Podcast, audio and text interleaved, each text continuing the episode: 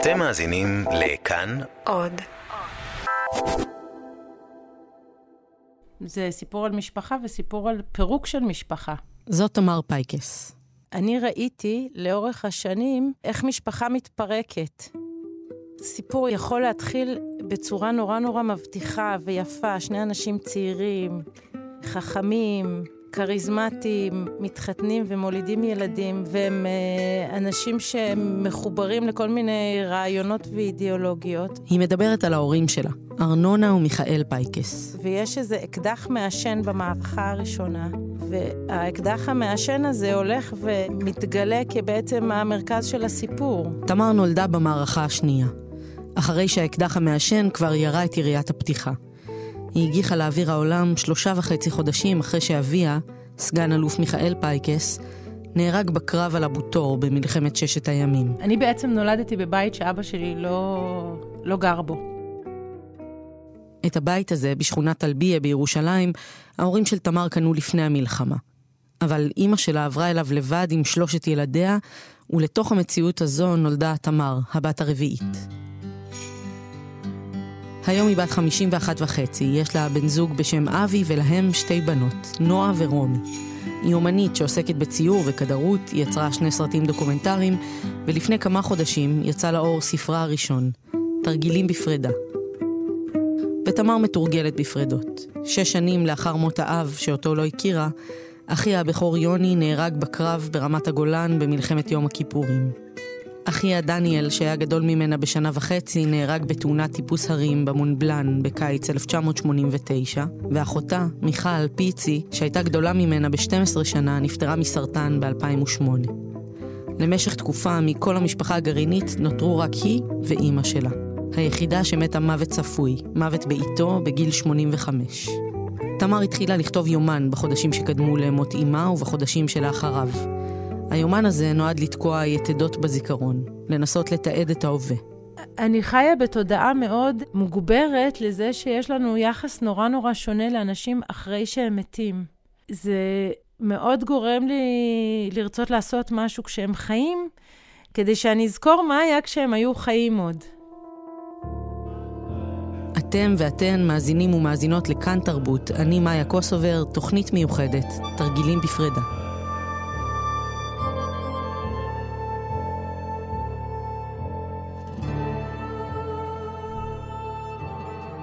כשביקשתי מתמר להציג את עצמה, זאת הייתה משימה קשה. אני לא, לא יודעת להגיד.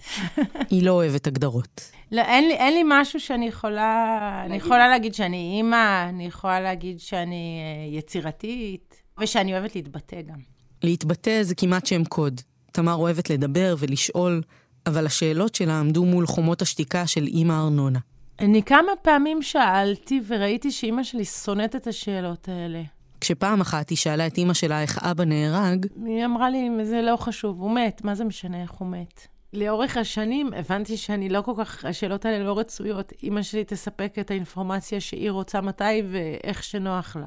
אני מבינה את אימא שלי כי כל מילה שנאמרת שהיא לא מדויקת, היא פוצעת. זה לא סתם שהיא לא דיברה, אני מבינה את זה. אבל אני, אני התחרפנתי מה, מהשתיקה הזאת, זה, זה פשוט עצבן אותי, רגשית. אני מניחה שאם uh, עכשיו היא הייתה פה במקומי, הייתה אומרת, מה יש להגיד? זה או שתחזירו לי את מי שמת, או שאין מה להגיד. ומהבחינה הזאת אני חושבת שהיא צודקת.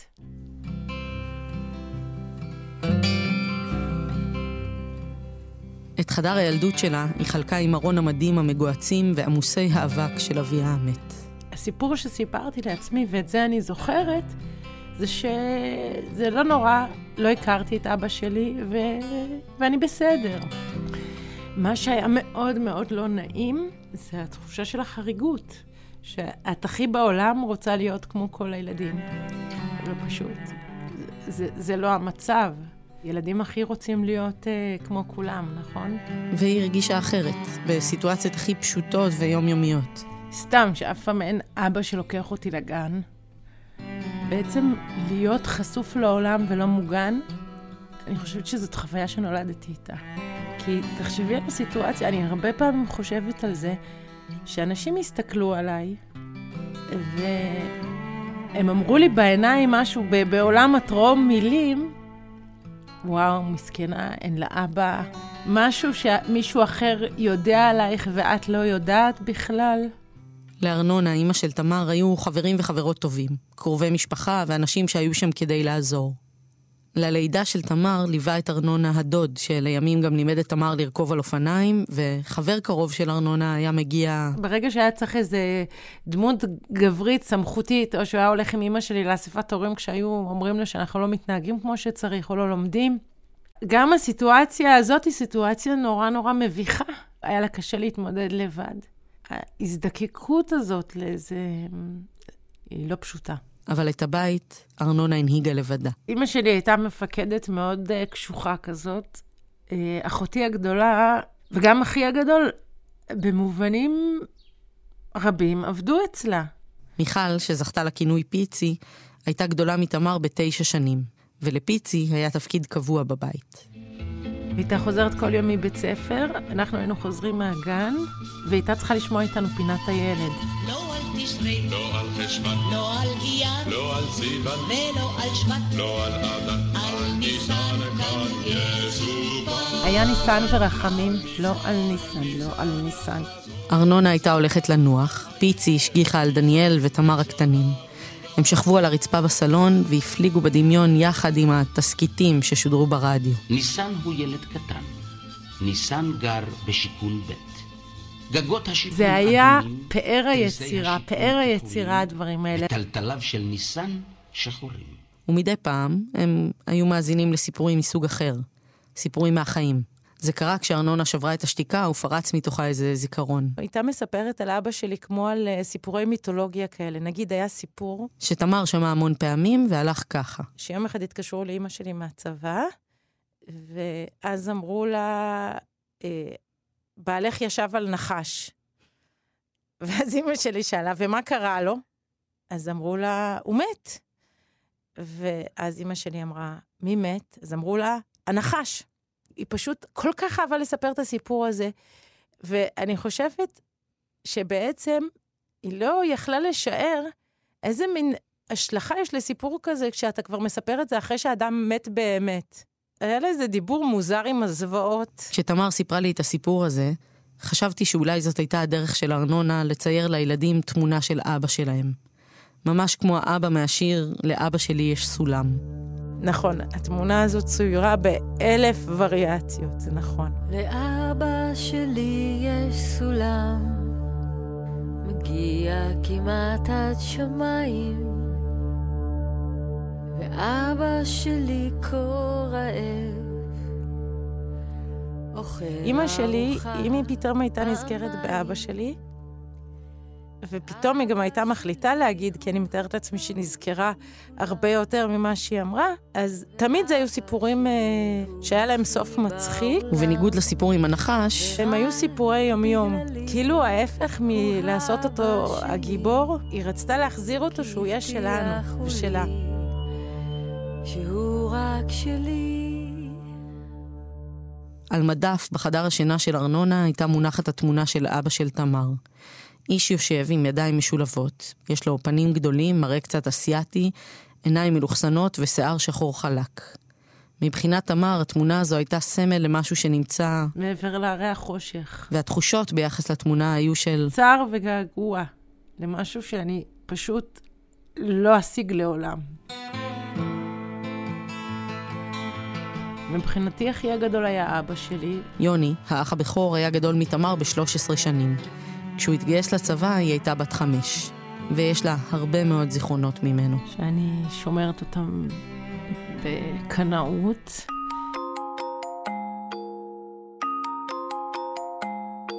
הוא היה רודף אחריי בבית עם הקופסה של הוויטמינים. אני נורא נורא שנאתי לקום בבוקר. אז היו שולחים אותו להעיר אותי, ואז הוא אמר לי, את רוצה לבוא לסרט? ואז הייתי קופצת, ואז הייתי מגלה שאין, כאילו, כך הוא היה מעיר אותי בבוקר. בבוקר, לפני שהוא היה הולך לצבא, הוא היה לא רוצה להעיר אותנו. אני חושבת שהיה לו קשה להתמודד עם הדבר הזה שהוא צריך להיפרד מאיתנו. אז, אה, אבל אני תמיד הייתי מתעוררת לפני שהוא היה הולך, והוא לימד אותי לקשור זרוחים, כשהוא היה קושר את הזרוחים של נעלי הצבא שלו. הוא נורא נורא רצה להיות טייס.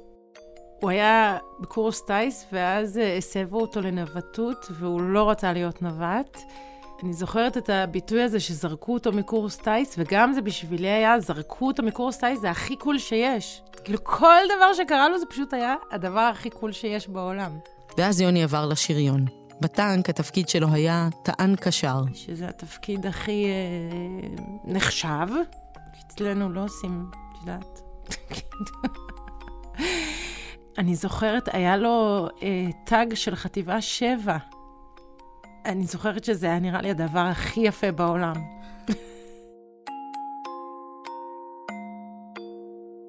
בחורף 73 יוני הגיע עם החטיבה לרמת הגולן. והם ישבו על הטנקים, והטנקים לא היו מאורגנים ללחימה, ולא הבינו בכלל שזה מה שהולך לקרות. והיה להם דיון אם צמים ביום כיפור או אם לא צמים ביום כיפור. כאן שידורי ישראל מירושלים ברשת א' וב', שלום רב וגמר חתימה טובה. ואז הופיע המפקד שלהם ואמר להם, תתכוננו ליום של לחימה. דובר צה"ל מוסר כי סמוך לשעה שתיים פתחו הכוחות המצריים והסוריים בהתקפה בסיני וברמת הגולן. פתאום כוחותינו פועלים נגד התוקפים. היה מטח של יריות מהאוויר, הם פשוט לא הבינו, והם מצאו את עצמם נלחמים ממש ממש out of the blue sky. בשל פעולות מטוסים סוריים בגזרת רמת הגולן נשמעות צפירות בכל רחבי הארץ שהן עולות ויורדות. אלה הן צפירות אמת.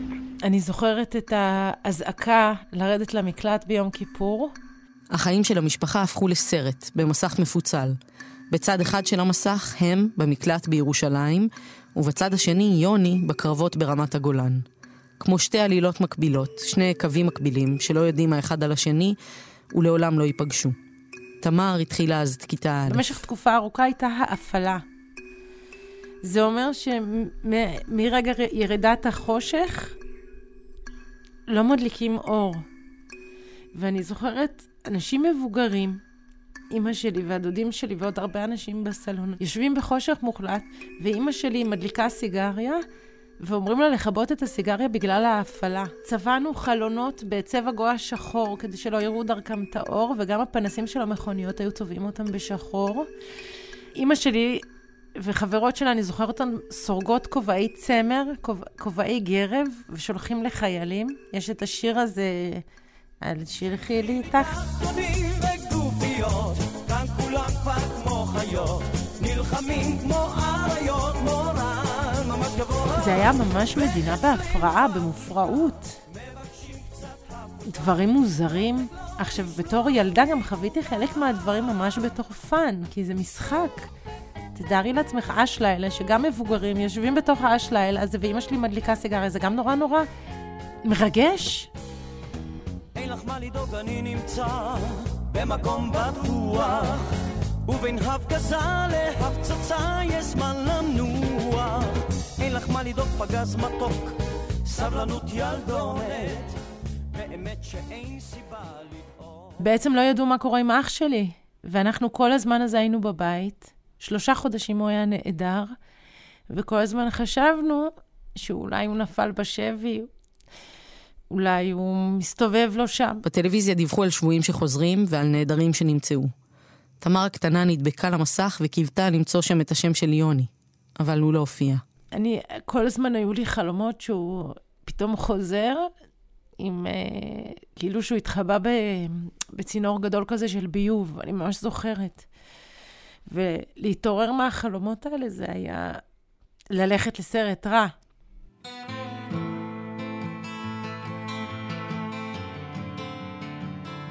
יוני נהרג ביום השני של מלחמת יום כיפור.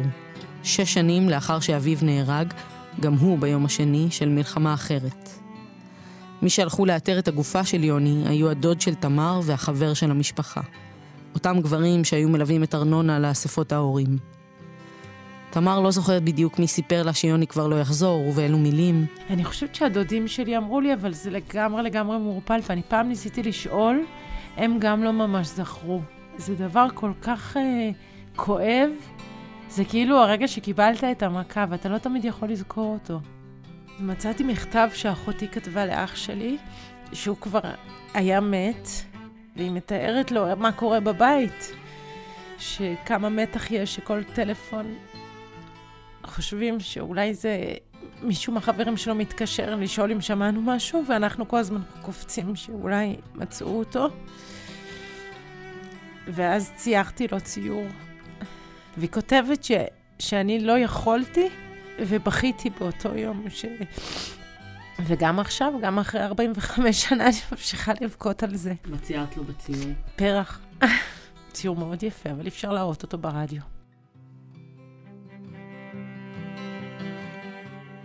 דניאל ותמר הקטנים לא היו בלוויה, אבל את ימי השבעה היא זוכרת. חברים של אח שלי באים אלינו הביתה, ושזה היה נורא כיף. את יודעת, תמיד בתור הילדה הקטנה היו מסלקים אותי מהחדר, ופתאום הייתי, הפכתי להיות הצעצוע של כולם. אז אני באמת זוכרת את, ה, את הפער הנורא נורא גדול הזה בין הכיף שחוויתי והניתוק שלו, שזה מה שקרה. ש, שזאת התוצאה של מה שקרה. ברגע שיוני נהרג, השבר שקרה לנו בתור משפחה, ברגע שידענו על זה, איזה קריסה שאחריה נשאר רק תפקוד, שזה דבר שאני מאוד מעריכה. זה לא עניין של מה בכך לתפקד, אבל זה באמת היה רק ברמת התפקוד. מה, מה הרמות שנעדרות מבעד או מעבר לרמת התפקוד? השמחה להיות ביחד. את יודעת מה זה? אימא שלי באמת, היא נורא נורא אהבה גם את שלושתנו, אבל זה כבר לא היה אותו דבר. מעט מעט מאוד היא דיברה על החוויה שלה, של האובדן שלו, אבל בכל זאת, כשהיא דיברה על זה, היא אמרה שזה כאילו שכרתו לה איבר. באמת הייתה לה שמחה להיות איתנו, והיא נהנתה מאיתנו, אבל, אבל זה תמיד היה מלווה בכאב. למדף בחדר השינה של ארנונה, לצד התמונה של מיכאל בעלה, נוספה גם התמונה של יוני, בנה בכורה. הרצון שלה לחזור לתפקד כמה שיותר מהר, היה ניסיון לקחת אחריות. והיא באמת לקחה אחריות בצורה שאני לא חושבת שיש הרבה אנשים שמסוגלים לעשות את זה. מה זה אומר? זה אומר שהיא הבינה שהיא צריכה לעשות כל מאמץ שאנחנו נהיה אה, ילדים בריאים ושמחים. במגבלות מה שהיא ידעה ומה שהיה טוב לה, את יודעת, אבל... אה, איך היא באה לידי ביטוי ההחלטה הזאת? אנחנו כולנו הלכנו לצופים, הלכנו לטיולים של חוג סיירות, שחוויית החיים כמו שהיא חושבת שהיא צריכה להיחוות לא, לא נפגמה אה, בעקבות זה שקרו אסונות. זאת החלטה, החלטה שגבתה מחירים גם. המחירים של ההחלטה הזאת היו בעיקר רגשיים. כל אחד ואחת מבני ובנות הבית הרגיש שהוא נשאר לבד. אחד הדברים הכי טרגיים במשפחה שלנו היה שאנחנו נורא נורא מעטנו בינינו לדבר על מי שמת. כי לא הבנו, אני חושבת, שזה יכול להיות מקור לנחמה. זה היה כל כך בניגוד לכללים של הבית, שלא הצלחנו בינינו לייצר איזה תחושה ש, שקרה לנו ביחד, משהו נוראי שאנחנו יכולים לאבד אותו, שאנחנו יכולים לעשות איתו משהו. כל אחד חשב לעצמו שקרה לו הדבר הכי גרוע בעולם.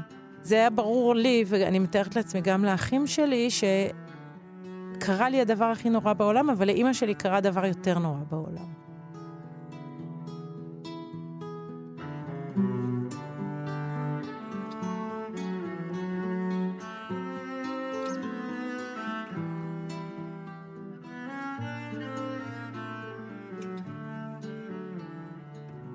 חומות השתיקה בבית היו רק סביב המוות והמתים.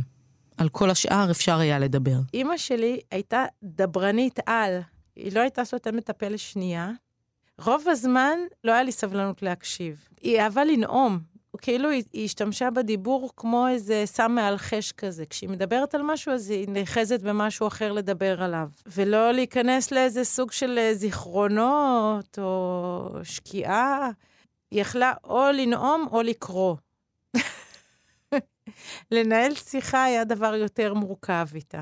היו שני מצבים. אם מישהו הרגיז אותה, כי הוא אמר משהו שהיא לא אהבה לשמוע, נגיד שהוא אמר לה שהיא גיבורה, אז הוא היה חוטף ממנה בעיטת מילים בפנים, והיא הייתה אלופה בזה. והיה מקרה אחד זכור מאוד בבית משפחת פייקס. הטלפון היה באמצע הבית, שכולם ישמעו מה כולם מדברים בטלפון. אם הייתה מתקשרת קצינת נפגעים לבקש תמונה לחוברת זיכרון, אימא שלי הייתה יושבת, והיא הייתה אומרת לה, את לא תקבלי ממני שום תמונה, זה גועל נפש מה שאתם עושים. והיא הייתה כל כך מרוצה כשהייתה סוגרת את הטלפון, כאילו הרגשת שהיא שחררה, היה לה כמו נחש שהוא נמצא בתנומה, והוא יורק ארס משובח אחרי החורף. ומה היה היחס שלך לזה כשזה היה אני קורה? אני נורא נורא התביישתי, כי זה, אני, את יודעת, ילד הוא תמיד רוצה את הדבר הנורמלי ואת מה שמחנכים אותו. אז אם אימא שלי מחנך אותי להיות מנומסת ולדבר יפה לאנשים, ופתאום מתקשרת איזו אישה זרה גמורה, ומבקשת בסך הכל תמונה, מה רע בתמונה? עכשיו, היום אני עומדת מאחורי כל הקללות. באמת. למה? בגלל שאני חושבת, בעצם מה היא אמרה להם? היא אמרה להם, איך אתם מעזים בכלל? אתם רוצים שאני אעזור לכם לשווק את הדבר הזה שלוקח את הדברים הכי יפים מתוך המשפחה ומפזר אותם באיזה חוסר אחריות? תשכחו מזה. ארנונה לא יכלה לסבול את האופן שבו מציינים את ימי הזיכרון. אז מה שהיה אצלה בבית היה אחר לגמרי. יש קוקטייל פארטי כזה שבאו חברים ומשפחה וחברים של האחים שלי. סתם היה יין, היה צחוקים ודיבורים, לא היה שום דבר. את קוראת לזה קוקטייל פארטי כי... ככה זה היה. תסבירי. סתם היו הרבה הרבה אורחים והיו דיבורים, היה נר זיכרון, ודיבורים שהם הכל חוץ מדיבורים על המתים. לא מזכירים אותם? לא. הם uh, היו שם נוכחים שותקים. שתוקים.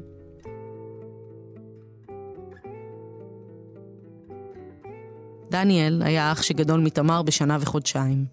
הם חלקו המון חוויות ילדות יחד. הוא היה בחור שתקן וסגור. תמר הגדירה אותו איש של ספרא וסייפה. הוא אהב לטייל ולטפס הרים, ובצבא הוא היה מדריך טיפוס, גלישה וחילוץ. כשהשתחרר, הוא הפך להיות מטפס מקצועי. וזה קצת uh, הלחיץ אותי הדבר הזה, אבל הדינמיקה בין דניאל ובני היה שהוא האח הגדול והשומר עליי. בשנת 89 דניאל טס לטפס במונבלן. באחת הפסגות הוא והחבר האנגלי שטיפס איתו קשרו את עצמם לסלע שניתק ממקומו. שניהם נפלו אל מותם. הוא היה אז בן 23. זה היה ליל שבת, הגיעו שוטרים לבית של אימא שלי. אני לא הייתי בבית, אבל היא סיפרה לי אחר כך שכשהגיעו השוטרים היא חשבה שקרה לי משהו. אני בכלל ביקרתי חבר שלושה רחובות אה, זה, ואז היא צלצלה ואמרה לי לבוא הביתה, שאח שלי נהרג, כמו שאימא שלי ידעה לעשות, אה, לתקוע לך סכין, ו... היא לא עשתה את זה בכוונה, היא פשוט לא הייתה מסוגלת לעשות משהו אחר. אחרי המוות של דניאל, תמר, שבדיוק השתחררה מהצבא, התפרקה. ארנונה הורידה את התמונות מהמדף והכניסה הכל למגירות. היא נהגה לומר ש... ריבועים של קרטון ותמונות בתור תחליף לאנשים שאתה אוהב זה דבר נורא עלוב. זאת אגב ארנונה בקולה, מתוך סרט שתמר יצרה מאוחר יותר. חומות השתיקה רק הלכו וגבהו.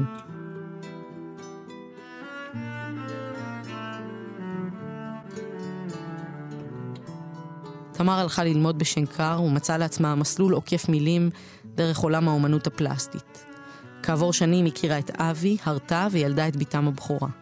בטיפול פסיכולוגי משמעותי שעברה, היא הבינה שהיא צריכה לעמוד מול אימא שלה, לשבור את החומות, לצאת למסע, לשאול שאלות ולהתבטא גם במילים.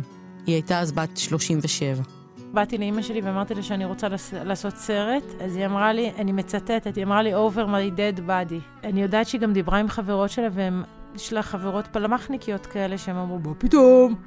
אבל אני חושבת שברגע מסוים היא הבינה שהיא צריכה קצת לשחרר, כי זה, זה גובה ממני מחיר שאני לא יכולתי לעמוד בו. כשתמר צילמה את ריבועים של קרטון, היא גילתה לעומק את הסיפורים שמאחורי המוות של אבא שלה ומאחורי המוות של יוני. היא סיפרה על ההתמודדות שלה עם הפחד מערבים וערביות, ועל ההחלטה להתעמת עם הפחד הזה ולשלוח את נועה, הבת שלה, לגן ילדים מעורב. היא אפילו הצליחה לגרום לארנונה לדבר. קצת. ובמסגרת הסרט, תמר ומיכל עלו בפעם הראשונה לבית הקברות, לראות איפה המתים שלהן טמונים. אחרי המוות של דניאל, הן נותרו שלושתן, שלוש נשים, ארנונה, מיכל ותמר.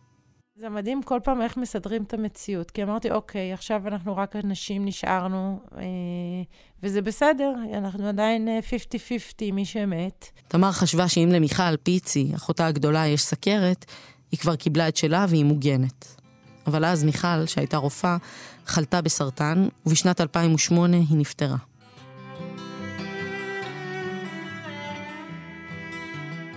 ואז הן נשארו רק שתיהן, ארנונה ובתה הקטנה תמר. אני פעם אמרתי לה, טוב, אמא, אבל אני אמות אחרייך. אז היא אמרה לי, אני... כבר, כבר פיצי אמרה לי את זה. הסרט השני שתמר יצרה, ונקרא עמידת ראש, נפתח כך.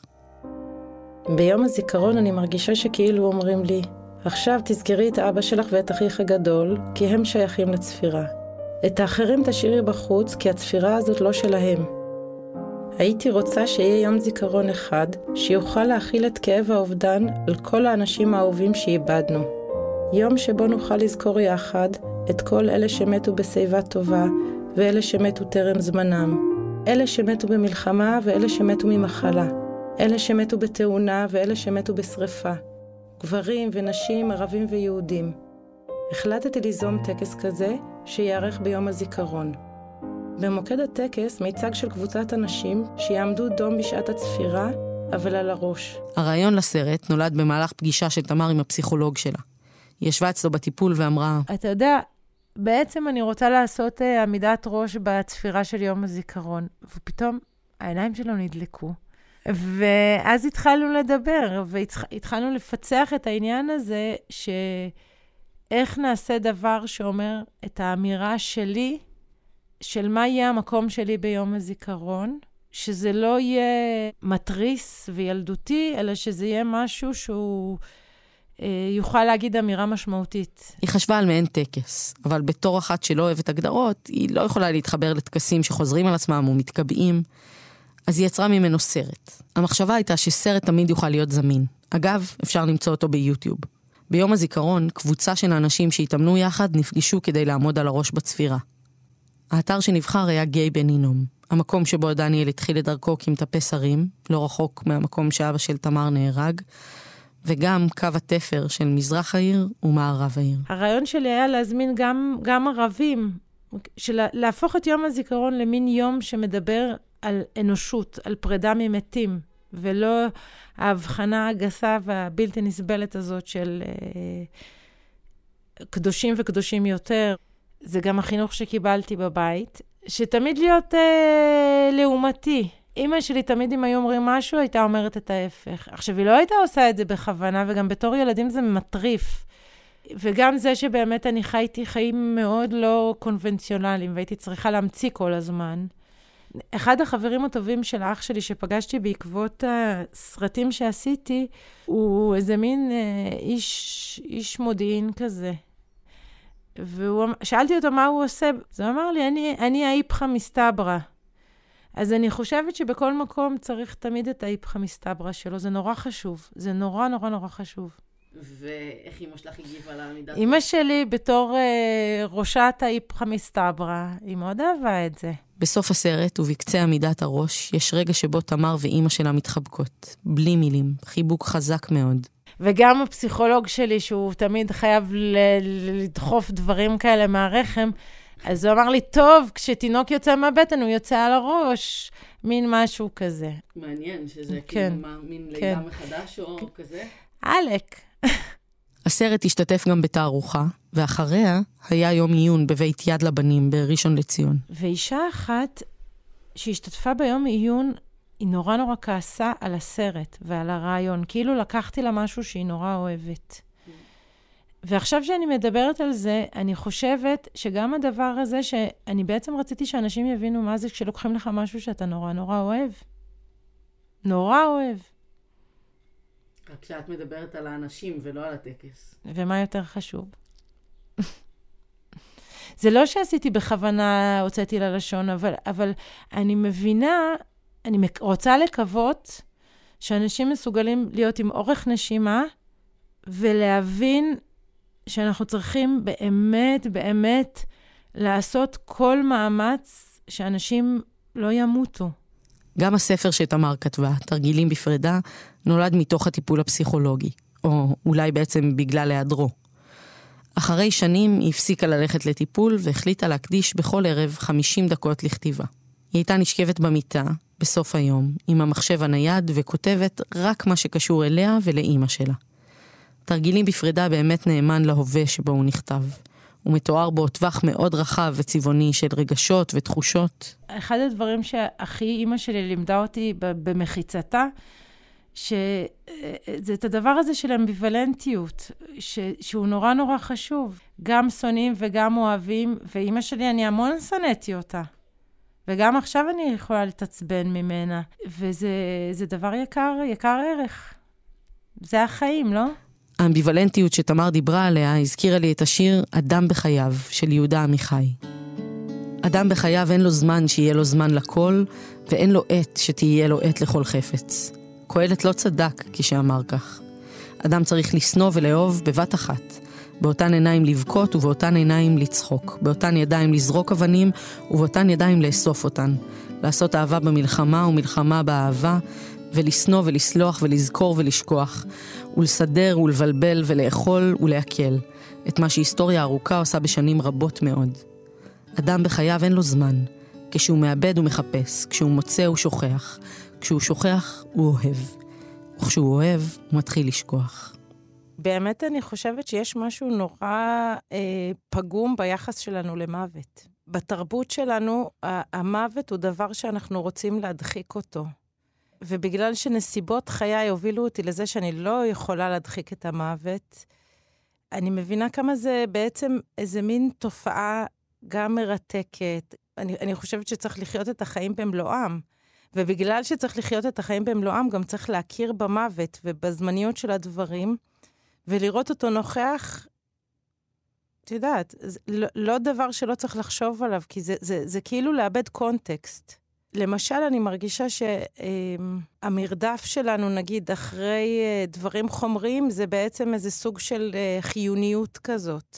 בתים, מכוניות, אה, אני לא יודעת מה, ואיזה מרוץ שצריך להיכנס לתוכו, אז זה כאילו קובר את הנוכחות של המוות. כל העיבון שעושים למוות וכל המצבות שעושים לו,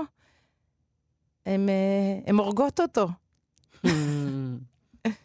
מוות זה דבר חי, כשיש מישהו חי שמדבר עליו.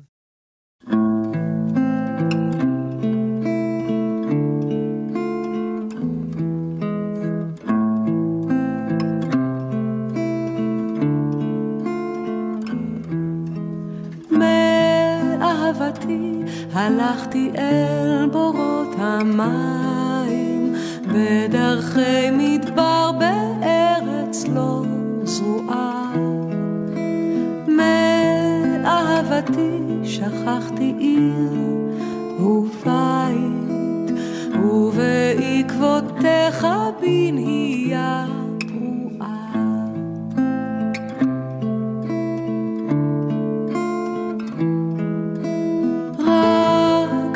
אהבתי נתנה לי צל בקיץ ובסערת החול הנוראה.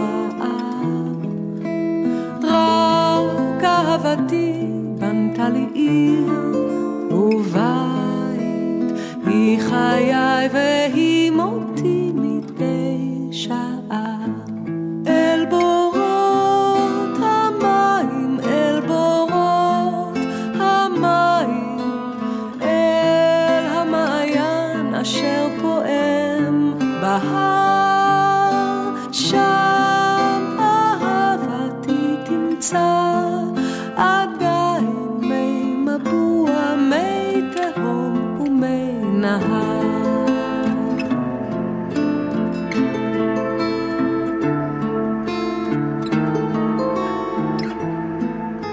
שם התאנה ושם שתילי הזית ופריחת הרימונים המופלאה.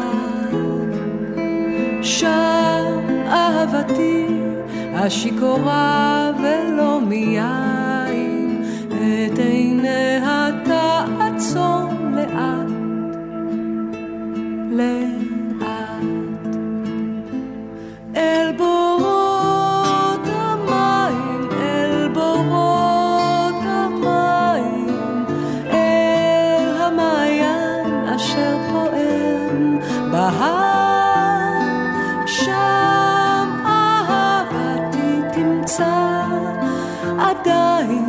עדיין מי